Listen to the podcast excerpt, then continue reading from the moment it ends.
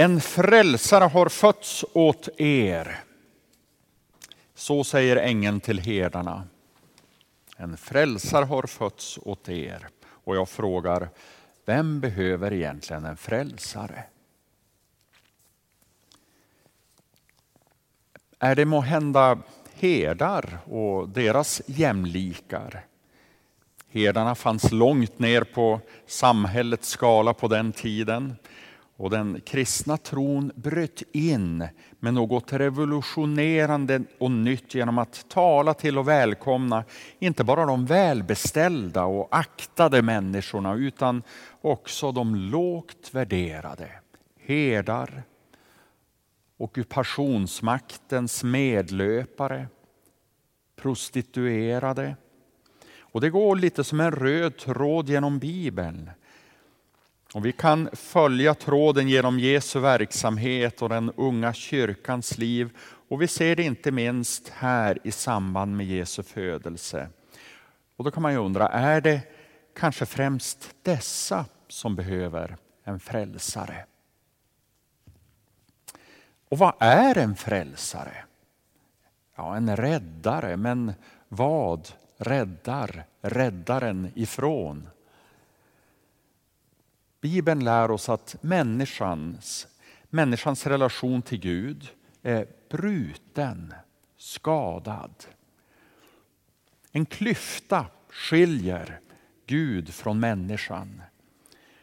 Och detta kan många människor känna på något sätt inom sig. Man söker Gud, man kan ana honom, men han upplevs som distanserad och svårgripbar. Och en frälsare som ängeln talar om är den som överbryggar klyftan och bryter en ny väg mellan Gud och människor. Frälsaren gör möjligt en ny och nära relation mellan Gud och människa. Och jag frågar igen då, vem behöver en frälsare?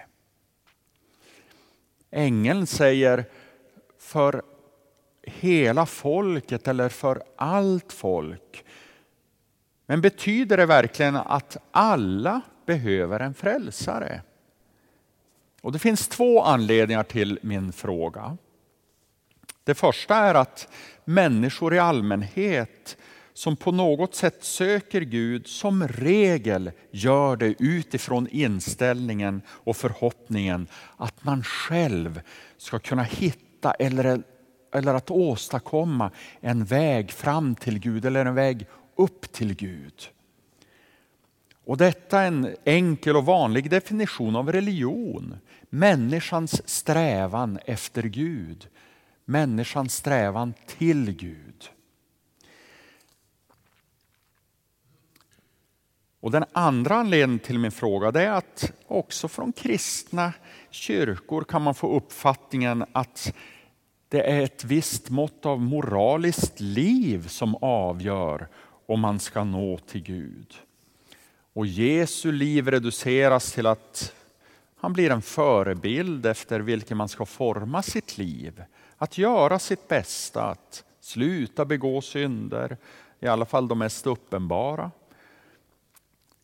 Och i ingen del av fallen så verkar man på allvar uppfatta eller inse att det finns ett behov av en frälsare, en räddare.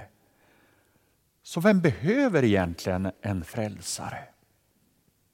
Och hur är det med dessa riktigt goda människor som levt och som lever? Behöver de verkligen en frälsare? Moder Teresa, Nelson Mandela, Mahatma Gandhi.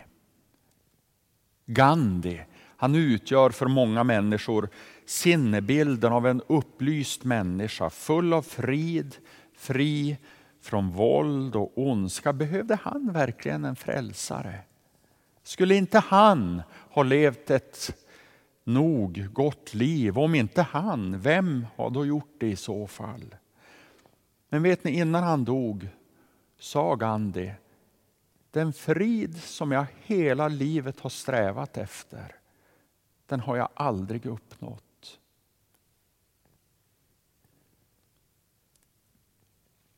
Det är inte bara till herdar, till prostituerade, till utstötta eller nedvärderade människor för 2000 år sedan som ängeln säger dessa ord.